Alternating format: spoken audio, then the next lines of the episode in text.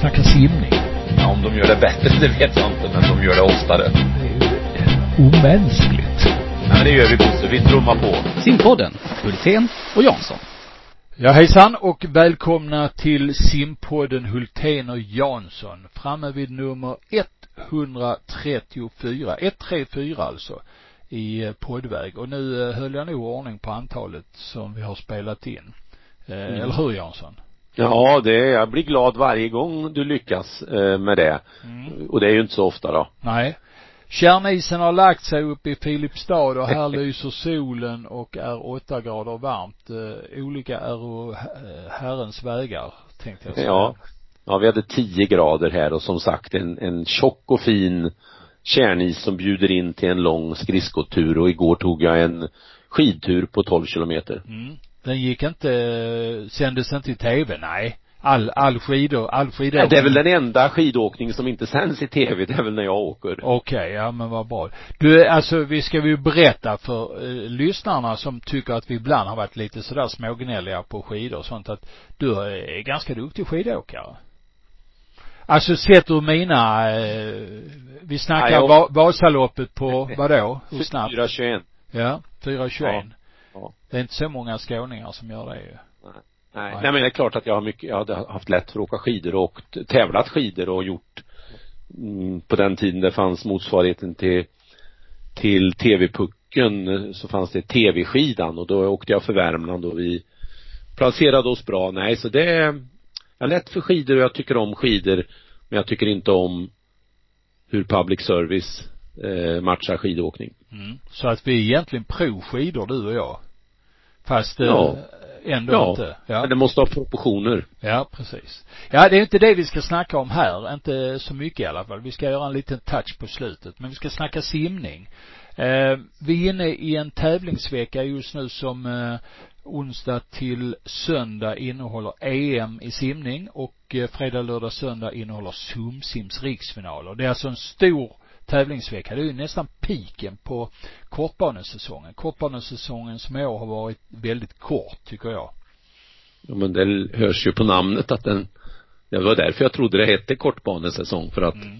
den var kort. Nej men så är det ju. Visst är det en peak eh, och i helgen har ju nyss också eh, NM avverkats och eh, ett par veckor bort bara hade vi ju SM så att visst är det grande finaler den här veckan. Känn, Förutom ISL-galan finalen så är det. som är på världsnivå då. Mm. Eh, man kan väl i alla fall konstatera att det är nyttigt för simmarna och eh, tävla för man märker att de utvecklas väldigt starkt. Och jag tycker det har varit väldigt signifikativt för resultaten att de som har tävlat mycket nu under hösten har haft en bra utveckling också. Eh, Mm. Så det, det är inte bara att träna. Du och jag, vi har ju tjatat om det på den länge eh, och ibland så känns det som eh, det är många som tycker att ja, varför ska man tävla? Eh, Men att tävla på hög nivå som vi har i vårt mantra här, Mm. eh, det visar sig att det är ju väldigt bra.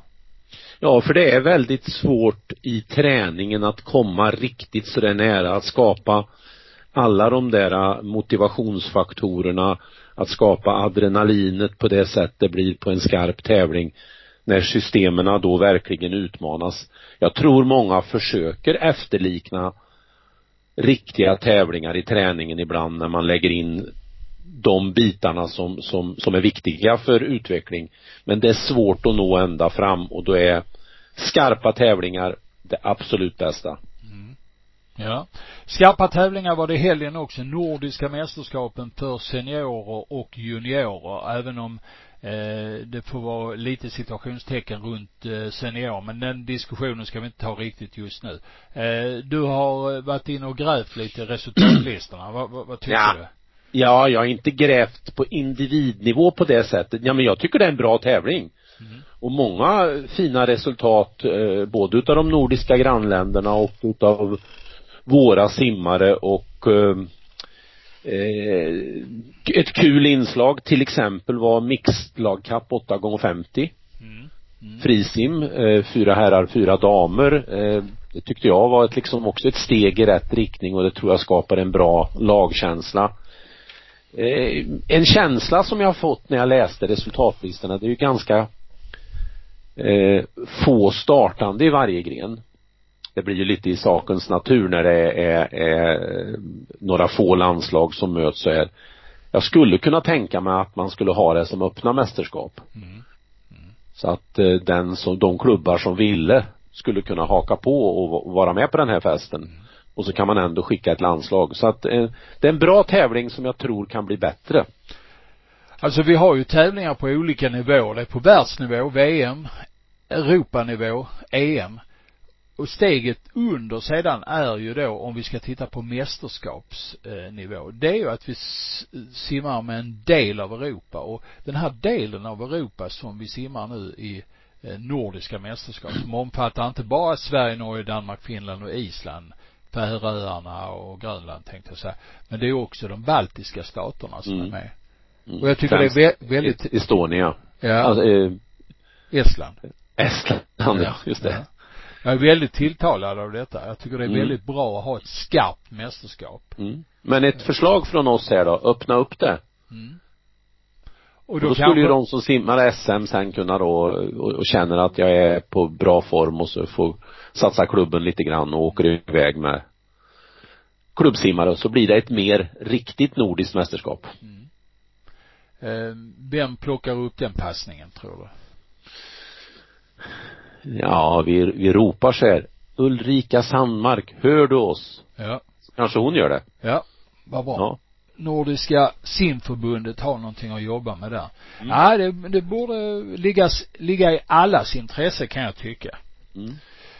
Eh, det är inget mer du vill lyfta fram från NM?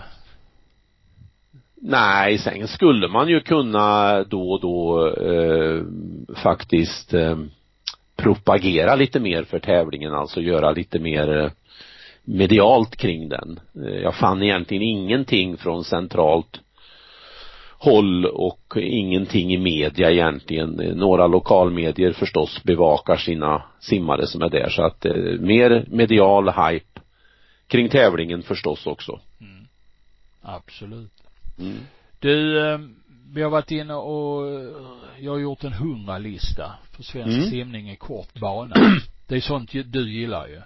Ja, alla former av statistik. Man ska ja. vända och vrida på det. Jag hittar inte dig i, i statistik. Nej, nej. Nej, det ska du vara jävligt glad för, för det tyder på att det finns någon form av klass på den där listan.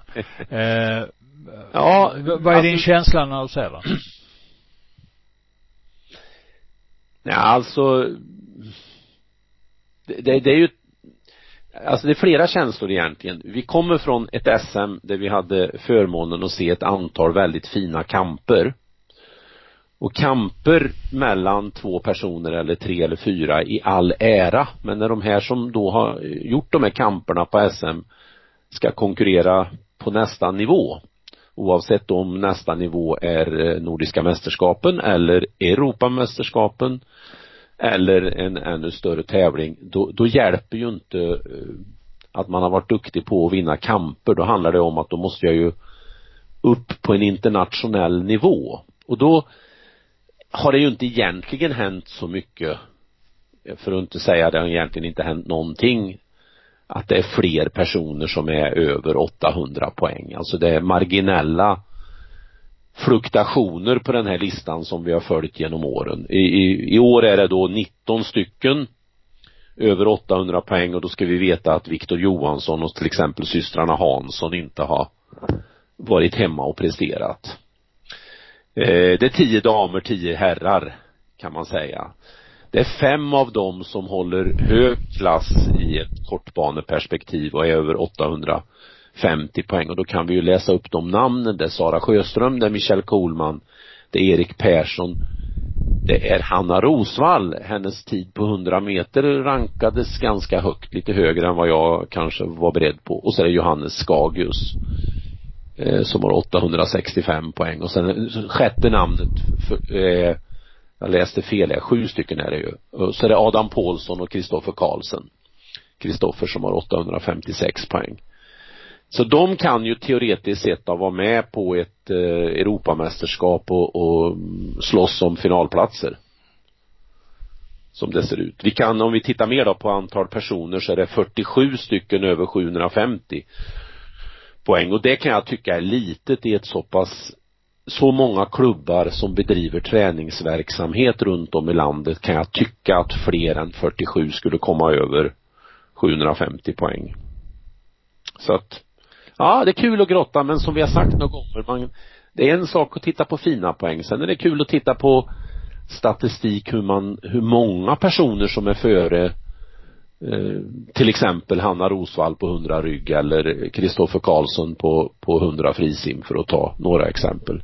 Och då måste man titta från flera olika håll för att få en bild av hur, hur bra prestationen är. Så statistik är kul. Mm. Har du själv plottat något i den? Ja, titta lite på vem är yngst till exempel. Okej. Okay. Eh, eller rättare sagt, de här som är födda efter 2000. Det, det, den, vi har några stycken över. Emelie Fast va, är väl yngst? Ja. I, jag ska se om inte jag, hon är ju femtonde på den här listan för sitt 50 bröst. Ja. Men jag 50. tror väl att, vad heter hon, vår lille vän från Sala? Ja. Hon är med, Lisa Nystrand, på 90 plats på 400 medley. 4.49.21. Mm. Hon är yngst av alla på den här 100-listan. Av tjejerna. Ja, och då kan man ju konstatera att eh, 4.49 inte räcker så långt egentligen. Nej. Är en lång Nej. väg fram till den stora internationella eliten. Ja. Eh, sen tycker jag det är kul att jämföra liksom, eh, bara om jag tar ett huggskott och tittar på hur det är Björn Seligers 50 frisim i förhållande till eh, 200 fjäril damer, alltså segrartiderna och så ser man att oj, det är ju inte nästan någon skillnad i poäng. Nej, så det, det, nej, det är kul med statistik men man måste titta på det varsamt och från många olika håll. Mm. Ja, det är alltid spännande och det har en stort läsvärde det här med statistik mm. också. Mera sånt. Så är det. Eh, Sara Köhler, hon gled in på ett världsrekord på 1500 frisim. Eh, det var lite kul. Mm. Sara Köhler som vi känner igen rätt mycket från eh, Swim Open i Stockholm. Ja, du kan ju jättemycket om henne, märker oh ja. jag ju när vi pratar om henne. Ja, ja. Absolut. Ja. Mm. Hon är ju på väg att, att riktigt ta över eh, nästan, ah, hon, det är något tyst rekord som hon inte har fixat ännu. Vänta, hon tog väl det på 800 förresten? Ja, gjorde hon inte det? Jag för mig det. Ja, det är vi, nog bara... För, vi har ju följt det de ja. senaste åren. Det är nog bara ett tyskt rekord kvar nu och det är Petra Schneiders eh, långbanerekord på 400 meter medley från 1987 på 4.36 vill jag minnas. Utan att slå ihop det, eh, kan vara fel. Men eh, så är det. Det är väl det enda, ska vi säga, DDR-rekordet eh, som finns kvar. Eh, tror jag. Mm. Och, och hon simmar ju oerhört bra. Den här Ja, verkligen. Ja. Det är fröjd att se henne och uh, hon håller ju över tid. Det är ju ingen dagslända utan uh, hon uh, har ju nu varit med flera år och jag såg någon, eller hörde någon intervju där hon uttryckte sig att hon tittar ju många år framåt. Mm. Jo, det var ju så alltså, jag ser här att på VM så slog hon ju det med 8.16, Sara Köhler. ja. Eh, däremot så, som sagt var, det enda rekord som är kvar det är Petra Schneiders. Det var från 82 till och med, från Guayaquil i Ecuador på VM, 4.36 och 10. Ja, det var ju fem år fel. Så det är det enda DDR-rekordet som ligger kvar i listorna. Och, eh, och det bara en parentes nu, men det, det är ganska roligt att se hur utvecklingen har varit i simning där det finns ett, ett DDR-rekord kvar och det var ju en oerhörd dominans av DDR-simmarna. Men tittar vi på friidrotten och grottar ner oss där så snackar vi om eh, ett 50-tal rekord som är kvar mm. fortfarande på friidrotten. Så det är stor skillnad. Utvecklingen har varit helt annorlunda i simning än friidrott. Eh, och det var kanske så att dopningen bet bättre på friidrottarna, om jag uttrycker mig så. Ja, det är ju möjligt i de styr, mer styrkeinriktade grenarna där men, men sen tror jag ju också de förändringar av regelverket i simning spelar stor roll. Det, det måste vi ju eh, komma ihåg också. att och, te eh, och teknik. och tekniken som ju är i, alltså vi är ju en yngre idrott och vi simmar i, i, i ett rörligt, eh, vad ska jag säga, i, i vatten och det innebär att det kommer att fortsätta tror jag att utvecklas en del. Men, men jag blev att tänka så här på Sara Köhler att oj vad bra ändå att det blir ett RIG till och att det ska ha lite touch av eh, long distance eh, stuk. Men men vad, ju vad, vad, vad snackar du om nu? Jo, ett Förklara- RIG, för, för, eh, förklara, förklara. Ja, riksidrottsgymnasium har vi ju ett idag i Helsingborg. Som, som eh, i sig sköts förtjänstfullt där nere då. Och nu startar man upp ett till från i eh, hösten 2020 om jag förstod rätt och då blir det Jönköping. Och då blir det en, då ska man tänka mer åt distanshållet om jag har förstått eh, ledningens sätt att beskriva det här. Och det, det tycker jag är intressant, jag tycker det är bra och det är ett bra val av plats. Eh, sen tycker jag fortfarande att när man går till ett gymnasium så där så ska man inte få byta klubb, men det är en annan historia. Men min fundering när jag då såg Sara Köhler och blev att tänka på hennes fantastiska 1500, det är ju att vi kommer inte vara hjälpta av ett RIG med inriktning mot långdistans om inte det skapas fler platser där det finns en sån kultur runt om i landet. Så att nivån på de som kommer dit är ganska hög när den ändå kommer dit va. Och då, då blir ju kontentan av det att det är på fler platser i landet man måste promota eh, långdistanssimning och det, det är ju ett, eh, det, det har vi också pratat om många gånger. Jag tycker det är sorgsamt att se att man har sen 20 år tillbaka någonting sånt lagt långdistansloppen efter lagkapporna liksom som om något nödvändigt ont på försökerna på ett SM och så. Eh, det är klart att då blir inga tränare sugna på att jobba mot distans även om de har en talang när det har så låg status. Så att ska det bli något ordentligt av det då måste man se över vilken kulturell inställning har vi till långdistans och hur ser vi på att eh, fokusera på dem mer ordentligt eh, rent medialt också. Och där finns det någonting mer att lägga till. Till exempel eh, så är de enda grenarna som det spelas musik på i simning. Ja, det är på långdistansloppen. Och det är, ju- det är ju ren eh, skär provokation mot Ja. både tränare och simmare i sammanhang. Är det, Ja. för, det är för att Och föräldrar och publik som, ja, ja det är ju spikrarna äh, inte orkar snacka helt enkelt. Det kan ni tänka på nästa gång ni är på en simtävling och de börjar spela, spela musik att eh, gå fram och banna spikrarna för att de inte har någonting att säga under 8 och 1500. Det kan ju bero på det. nu ska vi säga det att spikrarna i SM i Eskilstuna höll igång ordentligt på alla Mm. danslopp. Ja. Ja. Så är det. Mm. Du, eh, det var det. Köhler. Intressant. Eh, ska du hitta någon eh, snygg övergång till eh, Zlatan Ibrahimovic nu? Denna mediala eh, Rosengårds fotbollsspelare som har begett sig på ett eh, fälttåg ut i världen eh, och varit ute nu i 19 år och eh, ständigt förvånar oss. Jag vet inte om om det är Zlatan jag ska liksom eh, skaka på huvudet och, och sucka över eller om det är journalisterna som skriver om Zlatan.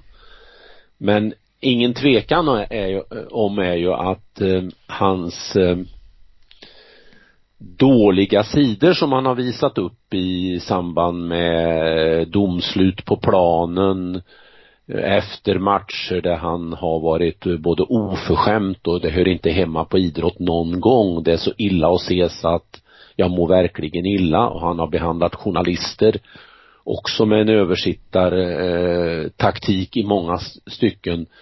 Där börjar nu tiden komma ikapp honom. I takt med att han inte kommer att vara så viktig för, som fotbollsspelare så kommer, tror jag, mer och mer eh, kritiskt granska det han håller på med och det var befriande att skriva eller läsa eh, jag tror det var Simon Bank som gjorde en reflektion över eh, Zlatan och lite grann kopplat till det. Eh, nej, hans uppgång och fall är det väl vi ser, eller det fallet vi börjar se. Mm. Vi, vi som befinner oss här i Zlatanland, vi tycker väl att eh, han gick över gränsen här nu. Eh, han kan ju mycket väl eh, ta emot. Han, han fick ju en fjärdedel av Hammarby. Och det kan vi tycka är lite lustigt här nere. Eh, värt sju miljoner. Det, det var ju för att de hade ett lönetak i, i om jag förstår rätt, i eh, MLS-ligan så att han kunde inte få så hög lön. Så då, då fick han en fjärdedel av Hammarby istället. Och få en fjärdedel av eh, Hammarby sett från malmöitiska ögon, eh, det kan man ju skämta om naturligtvis va, och att värdet bara är sju miljoner. Eh, men vad han inte skulle gjort, det var ju, att han skulle inte använt den här meningen eh, att han skulle göra Hammarby till Skandinaviens bästa i, fotbollsförening. För det är liksom, det är, det är för det första en, en, eh, en lögn och sen för det andra så eh, faller det inte riktigt i god jord här nere. Det tyckte folk var väldigt eh, illa att han säger det. Speciellt med den här statyresningen bara någon vecka innan och så vidare och så vidare. Ja, det ja. var så då, dålig timing och så onödigt. Han kunde bara ha sagt nej till det. Ja, ja han skulle inte sagt ja. någonting. Det hade varit bra. Ja. Han hade bara tagit emot 25 procent av Hammarby. Det är klart, eh, om jag hade fått det hade jag också tagit emot det. Men det hade de inte skrivit om i tidningen. Han lär inte tjäna nej. pengar på det väl. Mm. Nej. Eller hur Bosse Westergren? Hammarby kan man väl inte tjäna pengar på? Ja, ja. Ja. Hammarby är en, en lysande fotbollsförening där jag var medlem eh, på 50-talet så det är helt okej. Okay. Mm. Uh, nu pratar vi simning igen. Ja, vi gör det va.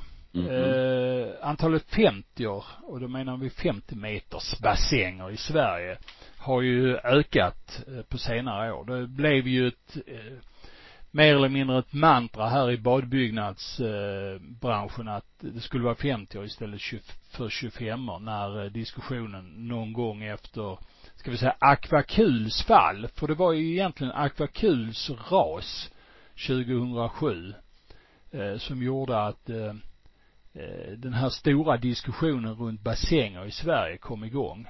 Och eh, eh, sen dess så är egentligen bara 50 som är riktigt acceptabla kan man väl eh, tycka eh, i diskussioner och planering. Det har blivit många senaste åren. Sen 2012 så har man eh, inte riktigt dubblat men 50 procent eh, har man ökat antalet 50 i, i landet. Sju stycken. Eh, nya sen 2012 eh, Eskilstuna, Västerås, Umeå, Järfälla, Säffle, Hylje i Malmö och Lund. Det är en rätt bra eh, investeringsmål. Mm. Även om vi är långt efter andra länder fortfarande. Mm. ja, Säffle invigs ju nästa vecka den 13 om jag kommer ihåg rätt. Ja, frågan är vilket tillskott det är för simklubbarna. Vi hörde Helena Persson eh, sia kring att om Västerås vill växa så kanske inte det ändå är så lätt eftersom eh, det inte är en kommunal anläggning utan drivs eh, kommersiellt. Vi har samma problematik i Eskilstuna trots att det är en kommunal anläggning att eh, växa och få mer bassängtid är inte enkelt.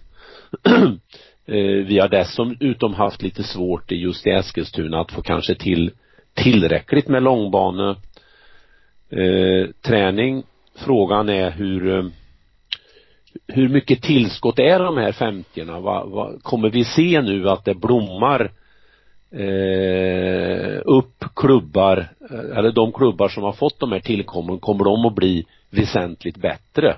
Eller kommer de ungefär att ha samma status i landet som de har haft. Och det är klart att om, om inte statusen förändrats konkurrensnivån för de klubbarna som får det, då, då var, spelade det ju inte så stor roll egentligen.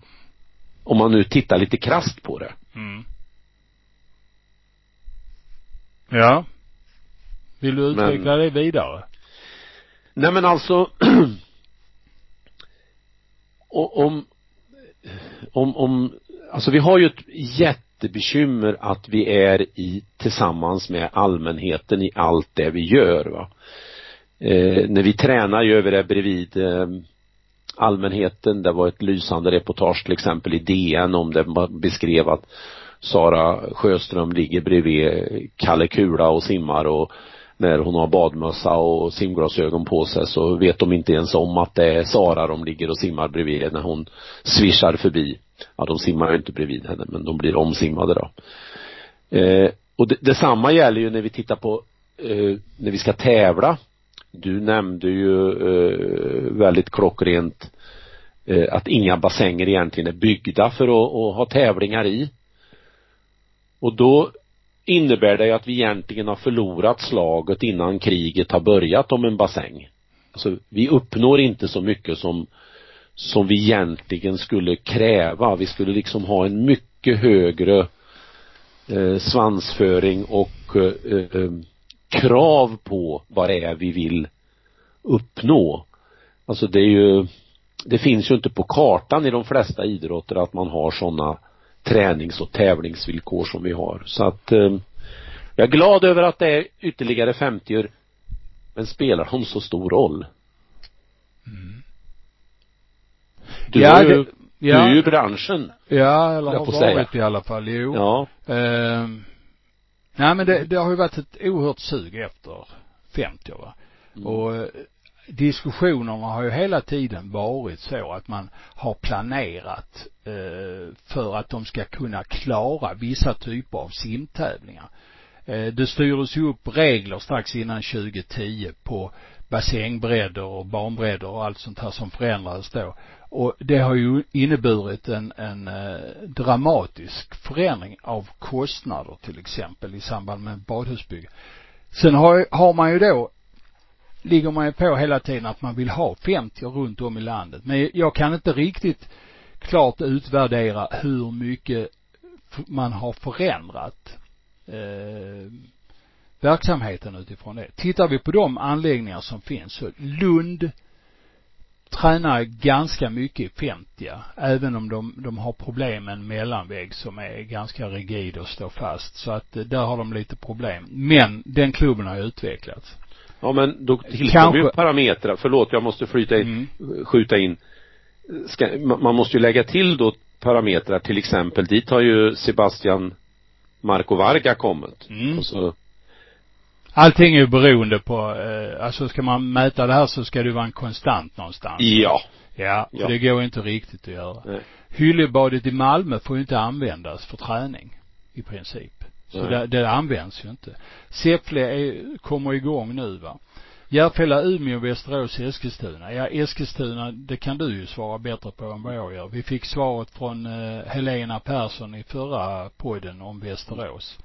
Umeå, Järfälla kan vi inte riktigt utvärdera hur man eh, styr det, men eh, jag kan väl tänka mig eftersom någon av de här anläggningarna är eh, styrda och drivna av Medley, till exempel i Mm. Järfälla. Där kontrakten är väl inte helt hundra för simklubbarna så, så har det väl inte inneburit så oerhört mycket. Det är ju några stycken här som möjligtvis kan ha tillfört någonting och det är Eskilstuna och Västerås på väg att göra det. Och Umeå naturligtvis va. Alltså Helsingborg var ju smarta som byggde en egen bassäng. Man skulle ju önska att fler klubbar kunde bygga sin egen Mm. anläggning. Mm. Men det kräver ju mycket. Det Mm. kräver ju oerhört mycket att göra det. Det är smart att ha gjort det. Eh, men det är personalkrävande. Mm. Eh, det krävs också en kontinuitet i ledarstaben och drivna människor att genomföra det. Men det jag lite menar med att man måste eh, liksom ha en lite högre svansföring och sätta målet högre. Jag skulle ju önska att det blev en, en anda och ett sätt att prata. Ja men, ja men det är klart, Neptun ska bygga sitt eget bad. För alltså att man tänker mer så att det öppnar upp ett, ett synsätt istället för att eh, ha en mer, ja acceptera att vi är en, en eh, eh, eh ja, är underutvecklade när det gäller att ha eh, tränings och tävlingsanläggningar visavi andra idrotter. Mm. Vi kan ju inte ens enkelt arrangera ett kortbane-EM. Nej.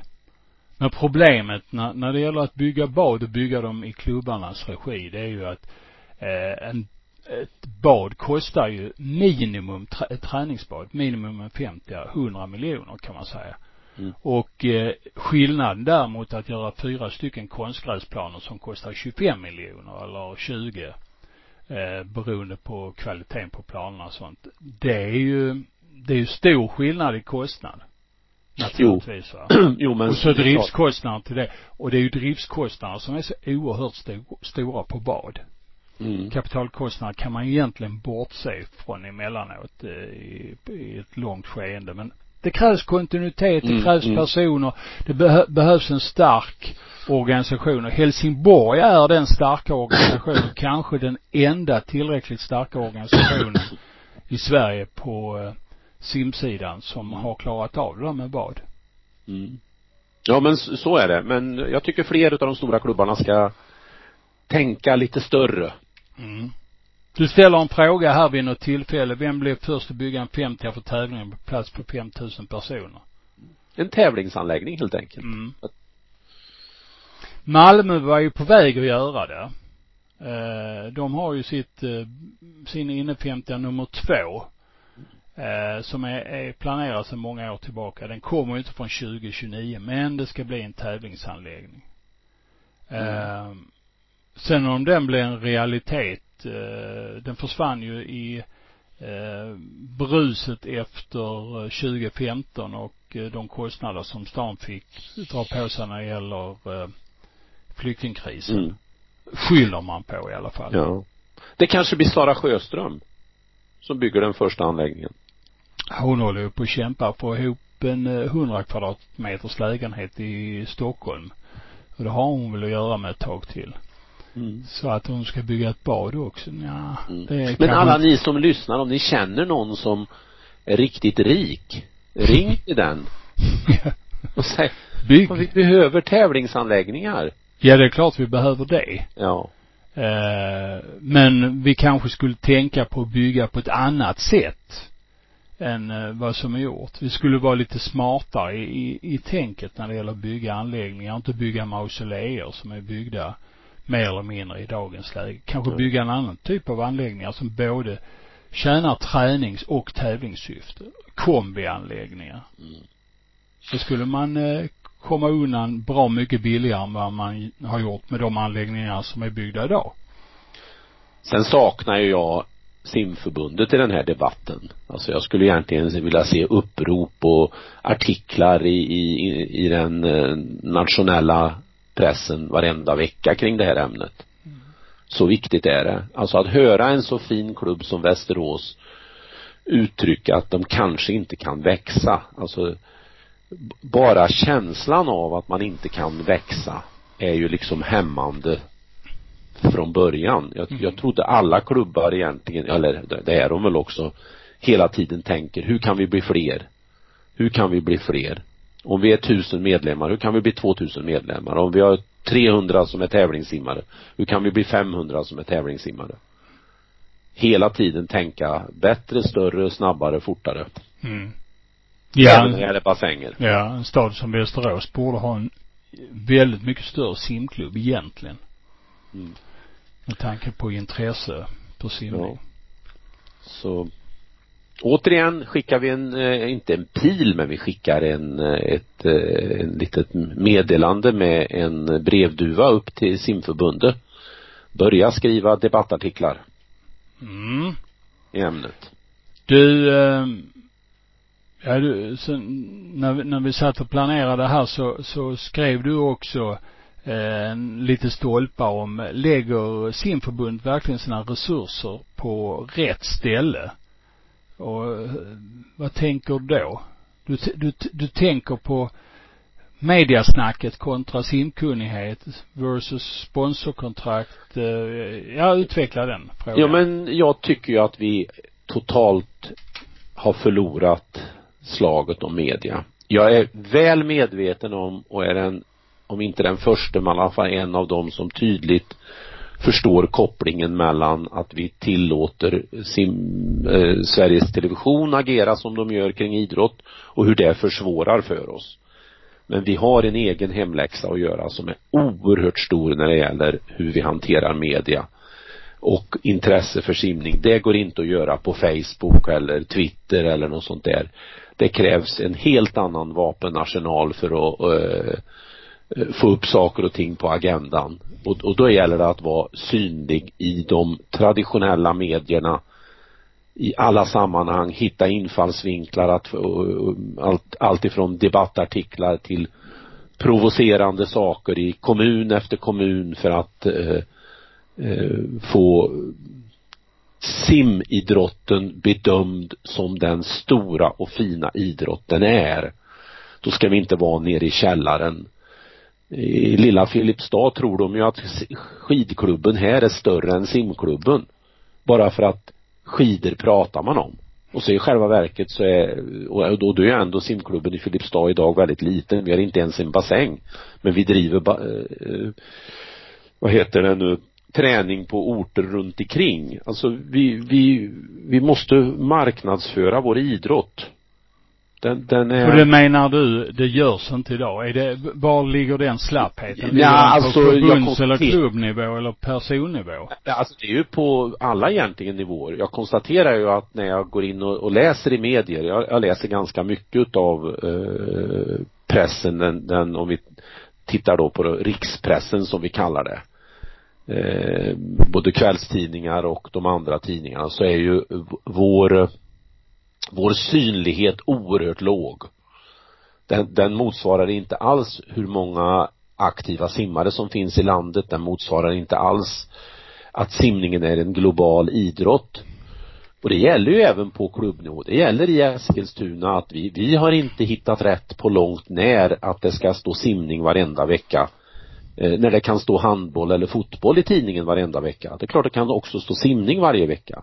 Så det, det är en hemläxa på individnivå i alla samtal man för att lyfta att vi är en stor och viktig idrott. Det är klubbar, det är på distriktsnivå, eh, det är på riksnivå och då självklart eh, simförbundet. Vi eh, vi spelar i en division 7 när det gäller att hantera att vi synliga i media. Mm. Okej. Okay. Mm. Um EM i simning, Europamästerskapen i simning, eh, simmas i Glasgow som nu gör, kör sitt andra eh, EM-arrangemang på ganska kort tid. Eh, lite tillbakadraget eh, rent medialt, eh, både i Sverige och eh, internationellt kan jag tycka, men framförallt i Sverige. Vad beror detta på? Jag tänkte bara säga först att jag hörde när du gjorde en övergång nu att du var trött på att höra med. Så nu byter vi ämne. Nej, nej, nej egentligen inte. Nej men jag tror, jag tror det är många faktorer. Vi har en, vår, vår, eh, vårt landslag är ju eh, lite stukat kan man säga på den meningen att Sara och Michelle har gjort sina val utifrån ett OS-perspektiv och utifrån att leva på sin idrottperspektiv ska vi också lä lägga till. Vi har eh, i alla fall tre oerhört kompetenta simmare borta i USA. Eh, syskonen Hansson och eh, eh Viktor Johansson. Eh, och så är det året före eh, ett olympiskt spel. Och det är klart att då, då blir det inte så hajpat kring ett Europamästerskap. Eh, Huruvida det är så generellt runt om i Europa, det vet jag inte. Det får vi väl se när tävlingarna drar igång imorgon. Mm. Men det är klart, ISL-ligan kan ha påverkat även andra nationer och deras toppsimmare att göra eh, olika val. Vi får väl se vilka simmare vi eventuellt saknar på Europamästerskapen och vilken nivå det är. Men lite grann kan jag tycka att eh, tävlingen har spelat ut sin roll. Mm. Den behövs inte. Mm. Mm. Den behövs inte.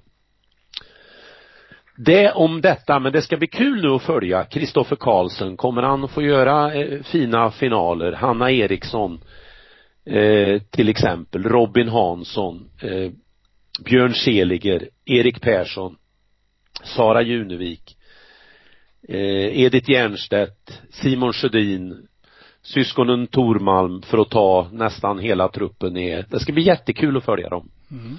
Mm. Idag klockan 13 och då kan det ju vara så att eh, ni har facit när ni lyssnar på detta så utses eh, bragdmedaljören. Alltså Svenska Dagbladets bragdguld ska delas ut. Och det finns ju ett antal eh, favoriter till detta. Eh, Daniel Ståhl, världsmästare i diskus och eh, vann också, eh, vad heter det, Golden Globe tänkte jag säga. Eh, ja. Heter det va?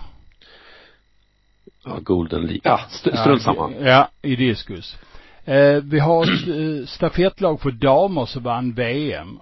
Och så har vi en eh, orienteringslöperska vid namn Alexandersson. Eh, vad eh, är din åsikt i sammanhanget? Så ska jag berätta vad jag tycker sen. Ja, jag tycker det här skidlaget som du nämnde, de, de går bort direkt. De har, de har intecknat redan så många bragdguld så de skidorna borde inte få det på de närmsta 50 åren.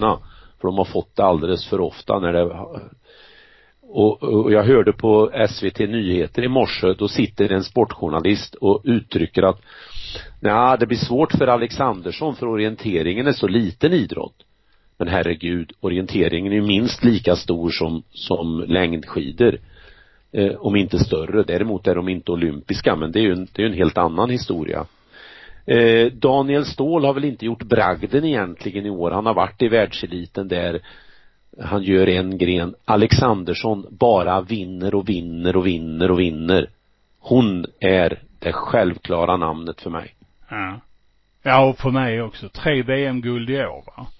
Och ja. eh, både på långdistans, medel och stafett och sen mm. vann hon ju VM i eh, skidorientering ja. också. Hon har ju alltså så mycket VM-guld i två idrotter så att om inte hon får det idag det bragdguldet så kan de lägga ner bragdguldet. Mm. Mm. Hon är i särklass Tove ja. Alexandersson som jag ser det. Mm. Det är hon, jag håller med. Ja. Det är inget snack om saken. Nej. Jaha du, eh, ibland Ska vi avrunda där? Ja, det kanske vi ska göra va? Ja. Det känns väl nästan som vi skulle kunna dra strecket där och eh, Tandläkaren väntar på mig. Oh, du bara ut och roar dig. Men du, ja. eh, ha så kul då. Vi tackar mm. publiken, lyssnarna och alla andra. Idag hade vi inte publik med på arenan men eh, eh, tack för att ni lyssnar allihopa så kommer vi snart tillbaka. Det är ju EM-tider så det kan bli vilken dag som helst. Vi kommer med mer. Ha det gött. Hej då. Nu ska vi snacka simning. Ja, om de gör det bättre, det vet jag inte, men de gör det oftare. Det är omänskligt. Ja, men det gör vi Bosse. Vi trummar på. Simpodden, Hultén och Jansson.